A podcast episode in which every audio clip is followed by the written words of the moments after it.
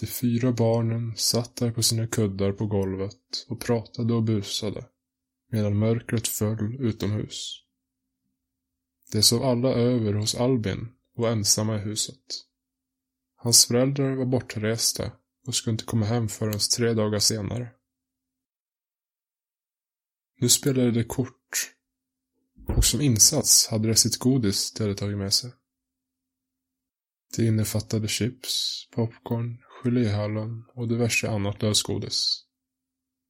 Allt gick bra tills Anna förlorat allt sitt godis. Hon anklagade då Peter för att ha fuskat med korten. Och så började det bråka. Maria och Albin försökte så gott de kunde medla mellan dem, men de fortsatte ändå skrika på varandra.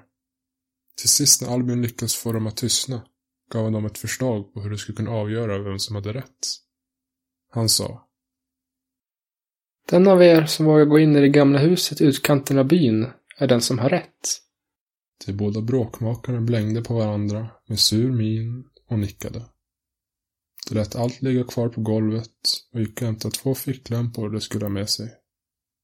Sedan gick de ut i den mörka sensommarnatten. Det gamla huset låg 500 meter från Albins hus och det tog några minuter att gå dit. På vägen dit höll sig Anne och Peter så långt bort ifrån varandra som möjligt och Albin och Maria gick mellan dem. Trädgården såg inte ut att ha blivit omskött på flera år då det växte sly och låg ett tjockt täcke torkat gräs på marken. Det pulsade sig genom växtligheten tills det stod tio meter från dörren. Så, vågar någon av er gå in här ensam? Frågade Albin. Peter såg osäker ut, men Anna som var säker på sin sak sa. Jag går in. Peter, du fuskade och jag ska bevisa det. Anna gick med bestämda steg mot dörren, men det märktes på henne att hon var nervös. Hon saktade in ju närmare hon kom. Hon tog tag i handtaget och vred om. Dörren öppnades med ett gnisslande ljud. Gångjärnen kan inte ha blivit smorda på många år. Albin, Peter och Maria väntade 30 minuter utanför huset på att Anna skulle komma ut igen. Men hon varken syntes eller hördes till. De började bli oroliga att hon ramlat och gjort sig illa. Så de började skrika efter henne. Men de fick inget svar. Det enda som lät var dörren när den slogs upp i vinden. De fick alla en klump i magen och kände sig inte tillfreds. De måste gå in och leta efter Anna. De gick tillsammans mot den gamla dörren och tittade in. Innanför dörren låg en gammal sliten dörrmatta med texten Välkommen hit, välkommen hem. I hallen låg ett tjockt lager damm överallt. I ett hörn stod en gammal stol med en svart hatt hängandes på. De gick försiktigt in och såg noga upp med att inte snubbla över allt bråte som låg på golvet. De ropade än en gång på Anna, men fick inget svar. Till vänster om dörren fanns en dörr med en skylt som indikerade att det var här köket låg. Det ryckte i handtaget, men det var låst. Till höger om dörren hängde ett draperi över dörröppningen. Det stank av mögel och det var nära att Maria spydde när hon petade undan det för att ta sig till nästa rum. Det här rummet var smalt, en meter max i bredd och hade i änden rummet ett smalt fönster täckt med gardiner. Men när de andra också kommit in utbrast Albin att det inte alls var några gardiner, utan en person. Det var Anna.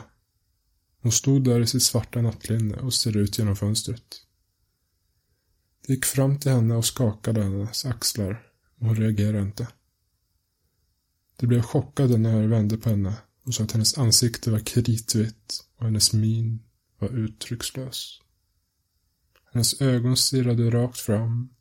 Vad den gjorde kunde inte få henne att reagera. De märkte att hennes läppar rörde på sig. Men de förstod inte vad det var hon sa.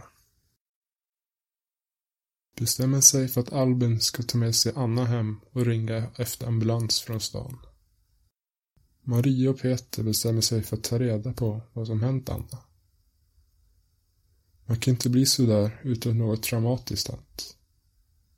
De går in vidare i huset in i nästa rum. Det ser ut som ett vardagsrum.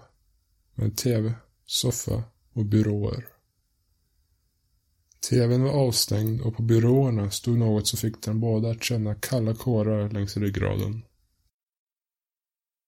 Där stod tre stycken gamla porslinsdockor med sitt ljusa hår uppsatt i två tofsar med röda band. Deras ögon bestod av pärlor, svarta som kol och de hade ljusblåa klänningar på sig. De tre dockorna såg ut som att de kollade på Petra och Maria. De skyndade genom rummet för att undvika den obekvämlighetskänslan de nyss fått. I andra änden av rummet började en smal korridor med en dörr längst ner. När de gick där kändes det som att väggarna när som helst skulle börja röra sig mot dem och stänga in dem. När de kom fram till dörren hörde de ett knakande bakom sig och svag duns. De vände sig om men kunde inte se något. De avfärdade med det med att det säkert var en katt som gjort ljudet. Antagligen för att slippa gå tillbaka och bli utstirrad av dockornas mörka ögon. Bakom dörren låg ett badrum med toalett, badkar, handfat och en spegel. Väggarna var klädda i brunt kakel, vilket förstärkte det smutsiga utseendet ytterligare. De bestämde sig för att Peter skulle hålla vakt medan Maria undersökte rummet. I toalettstolen fanns det inget vatten och inte heller när Maria vred på kranen i handfatet kom det något. Spegeln var liksom allt annat dammig och det var svårt att se något i den. Hon tog ärmen av sin tröja och torkade av den.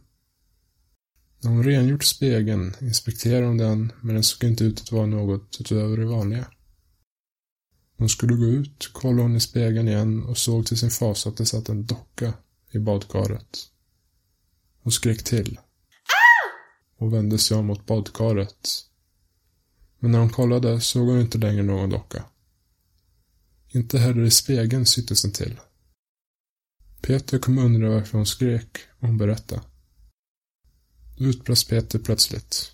Tyst! Hör du det där? Ja, jag hör det. Det kommer från avloppet. Maria gick fram till badkaret och la örat mot avloppet.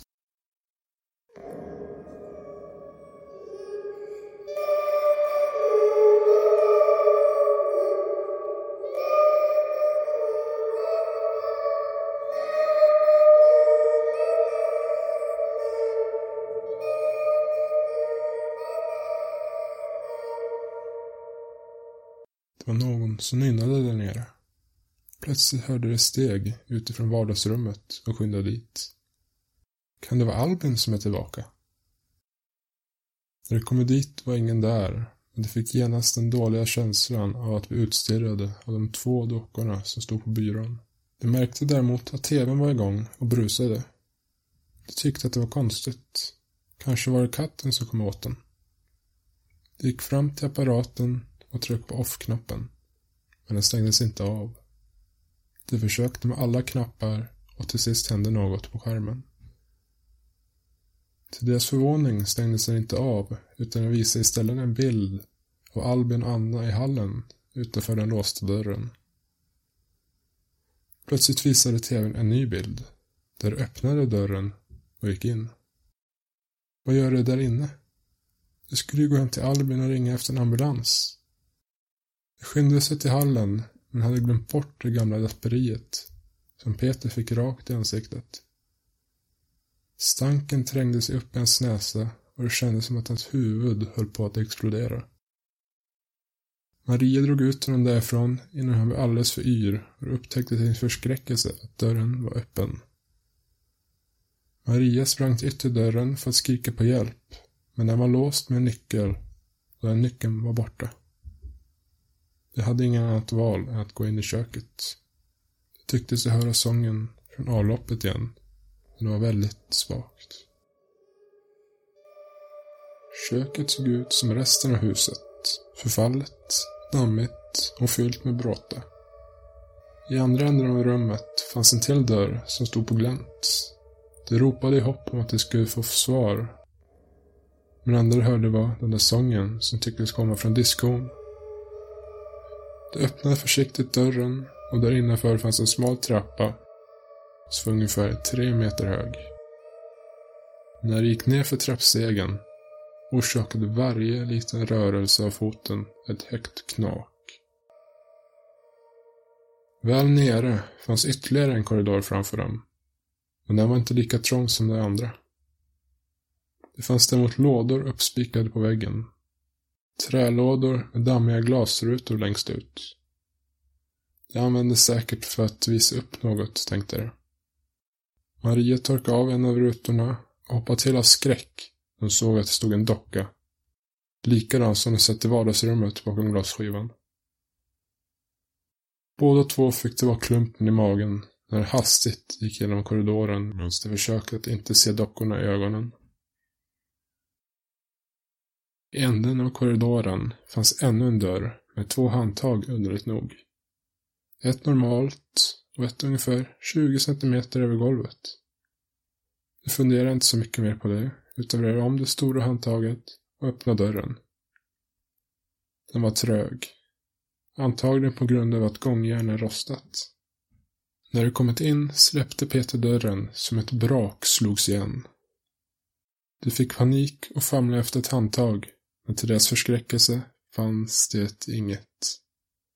Dörren gick inte att öppna inifrån. De letade runt i det lilla rum de var i, men det fanns inget annat än ett jordgolv. De satte sig ner.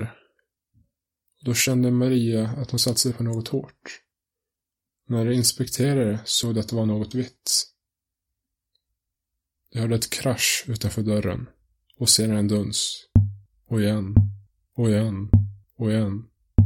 Flera krasch och dunsar följde.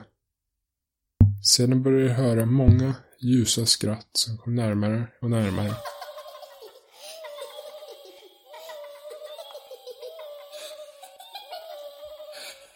Men det övergick senare till något mer demoniskt.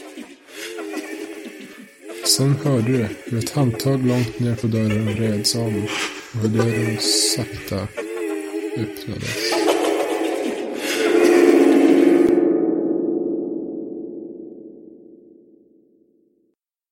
Senaste nytt. Fyra barn har rapporterats saknade och det såg senast i anslutning till det tragiskt bortgångna dockmakarens hus.